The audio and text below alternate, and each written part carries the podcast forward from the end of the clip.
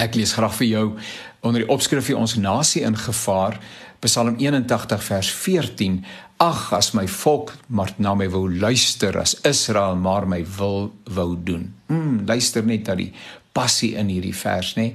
Ag, as my volk maar na my wou luister, as Israel maar wou doen wat ek wil. Op Saterdag 21 Januarie is daar 'n Benoni gebedsbyeenkoms gehou wat as histories beskryf word.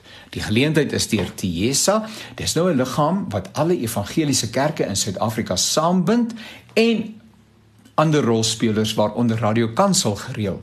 En verskeie geestelike leiers het by die geleentheid opgetree en voorgegaan in gebede en voordragte.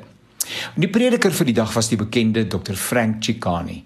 En dit is sodat die media oor sy optrede en boodskap geskryf het en dat die openbare kommentaar daarop bykans deurlopend negatief was. Want Dr Frank het sekere stellings wat verband hou met ons verlede in die verbygaan gemaak en mense sou dit as aanvegbaar kon beskryf en dit het mense verkeerd opgevryf en die media het natuurlik daaraan aandag gegee.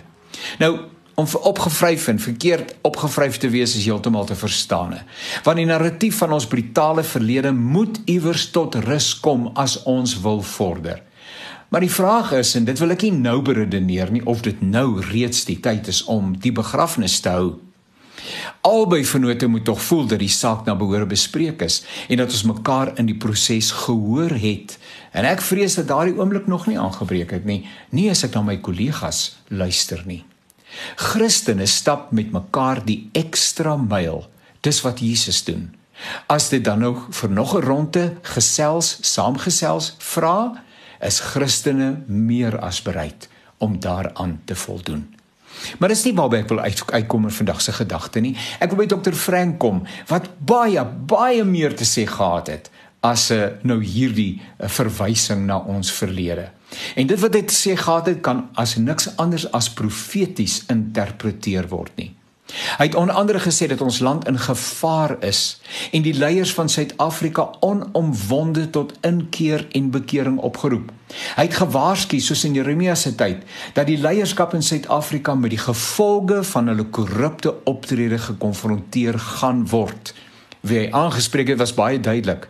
As ek die heersende politieke party en leierskap in Suid-Afrika was, sou ek ernstig nadink oor sy boodskap, want die Bybel sê vreeslik is dit om te val in die hande van 'n lewende God. Maar hy het egter ook die kerk tot 'n egte spiritualiteit opgeroep. En hy het verwys na die veelheid van kerke in alle uithoeke van die land. Dit maak nie saak waar jy gaan nie, daar is 'n kerk of 'n gemeente of 'n Christelike geloofsgroepering daar. En dan vra hy die vraag, maar daar uh, gaan 'n uh, uh, vloei riool in die strate af. Waar's die kerk? Daar's gate wat die pad onveilig maak, maar daar's kerke. Hoe kan dit? Professor Chaka van Unisa het in ons radiogesprek saamgesels. En hy vertel hoe hy deur 'n dorp ry en sien hoe dat jong kinders so jonk as 7 jaar besig is om met die vullis hoop na kos te soek. En hy vra maar hoe kan dit? Daar is tog kerke in daardie omgewing. Wanneer die Here praat oor dit wat verkeerd is in 'n samelewing, dan praat hy met die kerk.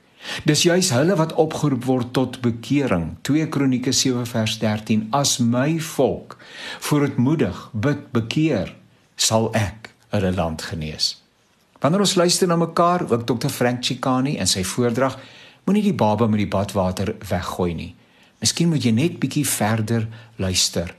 Daar's 'n belangrike boodskap hier. Die tyd waarin ons lewe is 'n krisistyd. Dis tyd vir alle samelewingsverbande om 'n opgawe te doen van waar hulle staan en uh, besig te raak met dit wat werklik belangrik is. Die Here praat met elkeen van ons.